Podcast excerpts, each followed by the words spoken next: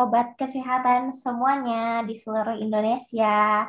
Semoga dalam keadaan sehat dan bahagia.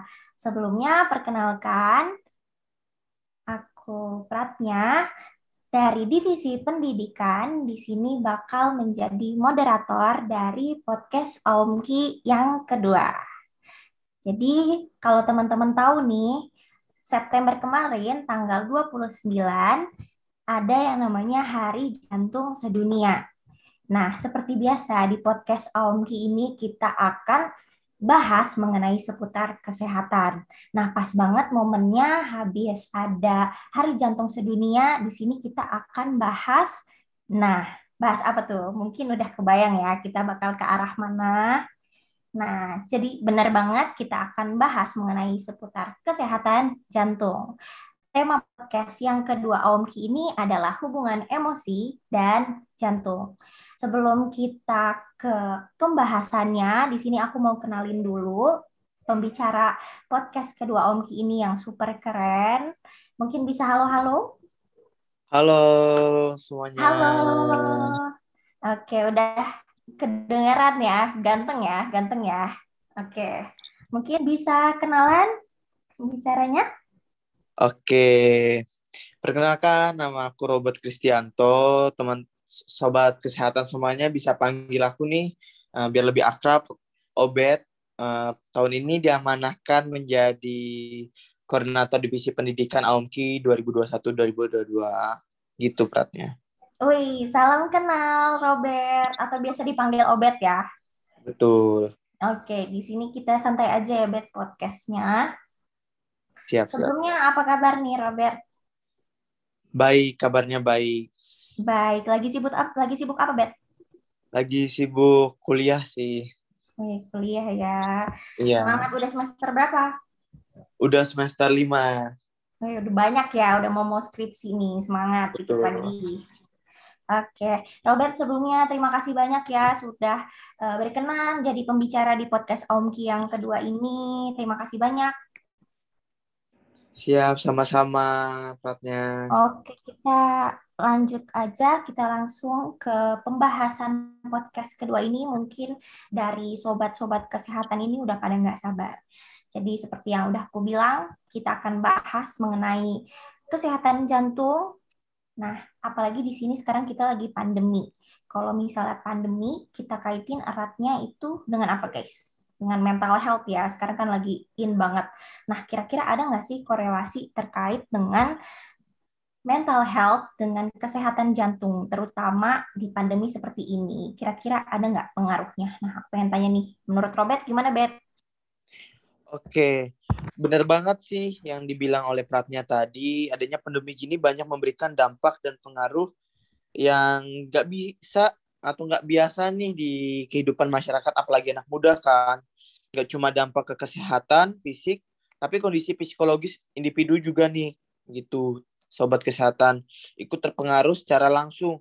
Ada suatu penelitian nih yang menyebutkan bahwa dampak psikologi di kala pandemik yang terjadi dan dirasakan oleh masyarakat ini bisa bermacam-macam ya, yaitu gangguan stres pasca trauma atau biasanya bisa kita sebut dengan post traumatic disorder, juga kebingungan, kegelisahan, frustasi, ketakutan akan afeksi, insomnia, dan hingga merasa tidak berdaya gitu.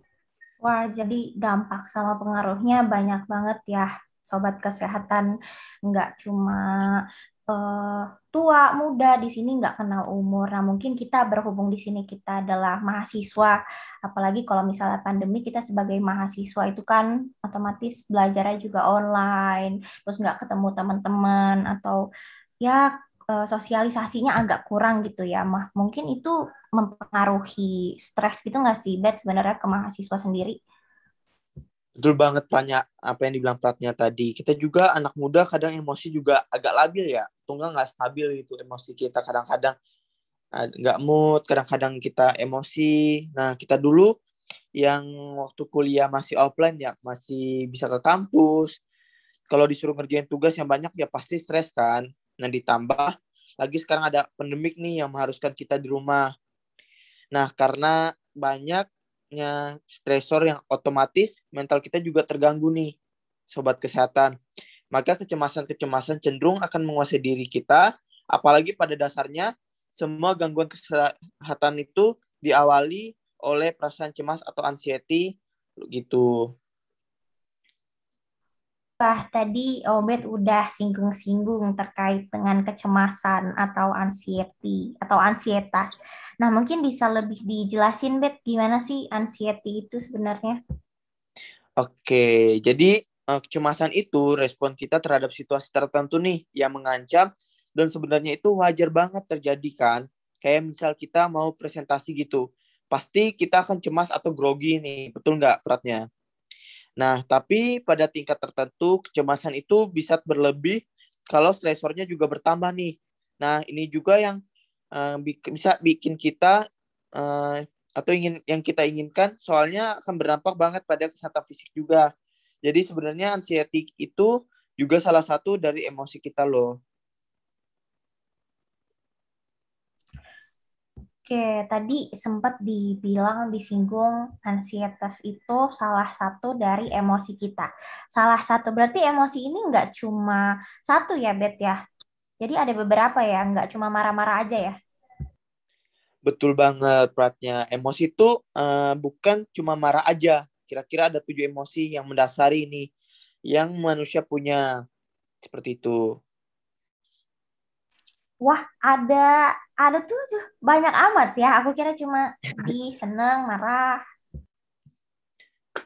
Enggak, enggak, enggak. Enggak cuma sedih, senang, marah gitu. Nah, ini yang pertama benar-benar yang pertama itu benar ada kebahagiaan atau perasaan senang nih dari sobat kesehatan atau dari platnya gitu. Oh, ini mah emosi yang semua orang pengen rasain terus ya nggak sih, sahabat kesehatan? Iya betul banget. Siapa sih yang nggak pengen bahagia? Tapi kamu tahu nggak sih uh, bahagia emosi bahagia ini nggak cuma ditunjukin lewat wajah atau raut muka saja, bisa juga lewat nada bicara kita yang ceria. Nah menurut Pratnya ini dari nada bicara aku atau intonasi aku berbicara nih, apa aku lagi bahagia atau enggak nih? Happy sih kayaknya lagi bahagia ya. Tahu aja nih nada pratnya. Nah, selain nada bicara yang ceria, ada lagi nih, yaitu gestur atau bahasa tubuh yang semangat. Oh, jadi di sini aku dan sobat kesehatan harus semangat nih. Mau lagi jadi set people, mau lagi senang, pokoknya kita harus kelihatan semangat. Betul banget. Ayo semangat semuanya. By the way, ngomongin set people nih teman-teman teman-teman teman-teman tahu nggak sih kenapa orang-orang itu dipanggil atau dijuluki set people? Nah, itu karena sifat pendiam dan suka menarik diri dari orang lain. Nah, itu sih salah satu bentuk em keemosian atau kesedihan ya sobat kesehatan. Walah, aku kira kesedihan tuh cuma bisa dinilai dari seberapa sering kita nangis, seberapa banyak kita nangis gitu. Nggak cuma nangis aja tahu. Oke, oke. Oke, oke. Terus apa lagi nih emosi-emosi lainnya selain dua hal yang tadi udah disebutin? Oke, ada emosi takut atau ketakutan nih. Terus juga ada jijik, ada marah, kaget atau terkejut nih, malu atau nervous. Terus juga bangga dan banyak lagi sih sobat kesehatan semua. Oh, masih banyak lagi. Betul banget, masih banyak. Oke, uh, masih ngomongin tentang emosi nih. Kan sekarang aku udah lumayan tahu terkait dengan macam-macam emosi. Aku jadi ingat beberapa hari lalu aku tuh ngerasain emosi uh, sedih ya mungkin ya. Tiba-tiba jantungku tuh kayak sakit gitu. Nah, itu emang apa ada hubungannya gitu ya, Bet, antara emosi yang kita rasain sama jantung? Wah, ternyata ada habis sedih ternyata. Sedih kenapa nih Pratnya? Bisa cerita nih ke kita-kita nih. Ya ada lah ya pokoknya gitu deh. Oke oke oke. Semoga sekarang udah nggak sedih lagi ya. Gini nih, posisi jantung sama otak yang mengatur emosi atau perasaan kita ini memang nggak berdekatan. Tapi jantung dan otak kita ini punya hubungan yang berkesinambungan. Jadi nggak heran kalau kita sering ngelus dada pas kita lagi kesel atau ngerasa dada kita penuh pas lagi kita jatuh cinta misalnya. Aduh, bawa-bawa cinta. Ya emang nggak boleh nih kita bawa cinta nih ke podcast. Aku Oke, jelasin oke. dulu ini. Oke, oke, lanjut, lanjut, Bet. Oke, nah ada studi nih dari HeartMath yang membuktikan adanya hubungan antara jantung dan otak. Jantung ini selalu dialog dua arah secara konstan sama otak. Emosi kita mengubah sinyal yang dikirim otak ke jantung dan jantung merespon dengan cara yang kompleks nih. Itu ngejelasin bagaimana jantung merespon reaksi emosional dan kenapa beberapa emosi bikin kita ngerasa tertekan dan terkuras energinya.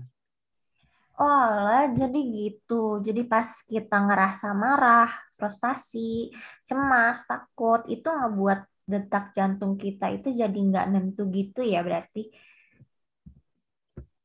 Ya betul banget apa yang dibilang oleh pelatnya tadi. Detak jantung yang nggak menentu itu nantinya dikirim ke pusat-pusat emosi di otak yang dikenali sebagai perasaan negatif atau stres yang bikin kita nggak bisa berpikir jernih nih, sobat kesehatan.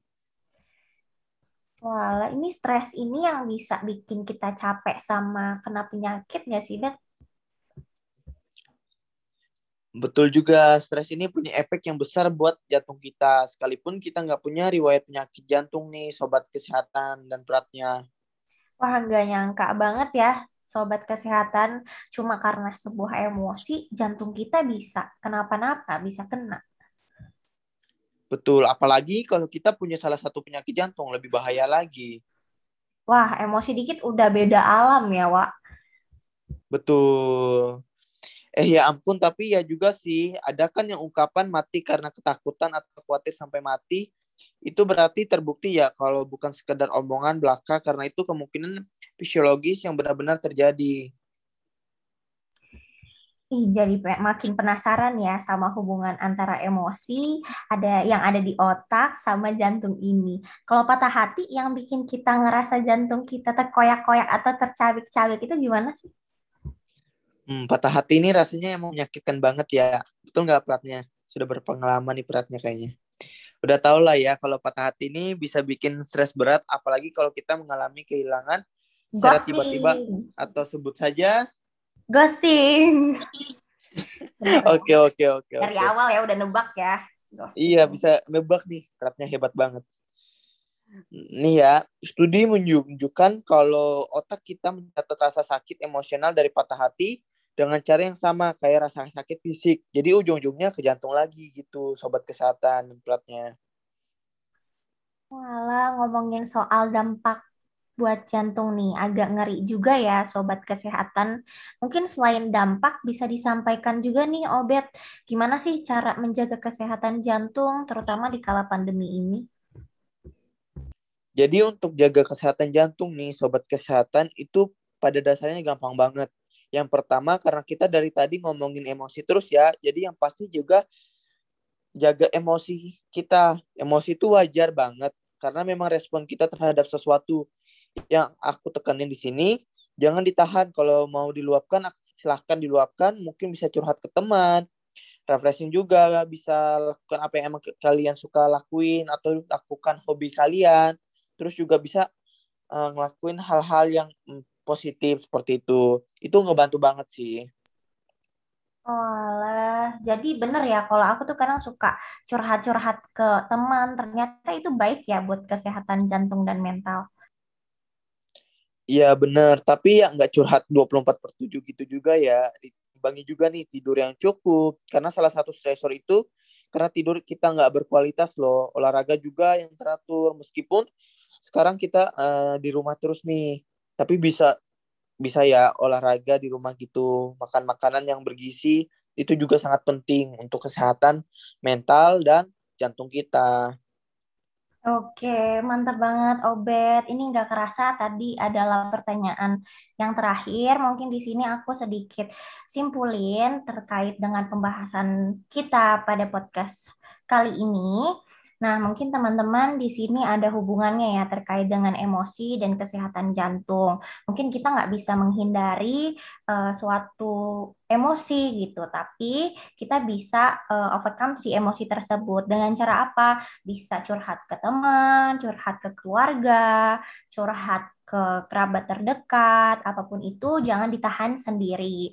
Terus juga untuk kesehatan jantungnya sendiri, nah kita harus tadi yang sempat dibilang obet kita harus jaga pola uh, keseharian kita biar tetap sehat. Contohnya kayak olahraga yang rutin kemudian pola tidur yang teratur cukup. Kemudian makanan-makanan juga harus makan teratur sayur buah makan. Pokoknya intinya makan makanan lah yang bergizi gitu. Mungkin itu aja untuk pembahasan kita. Kali ini mungkin uh, bisa kita tutup podcast Awamki yang kedua ini. Terima kasih banyak buat teman-teman yang udah dengerin sampai akhir. Di sini aku terima kasih juga untuk Obet yang sudah bersedia nemenin aku di podcast kedua kali ini. Mohon maaf sebelumnya dari aku apabila ada salah kata. Terima kasih banyak kepada Sobat Kesehatan. Sampai jumpa di podcast Awamki selanjutnya. Sampai jumpa Sobat Kesehatan. Sampai jumpa. Dadah.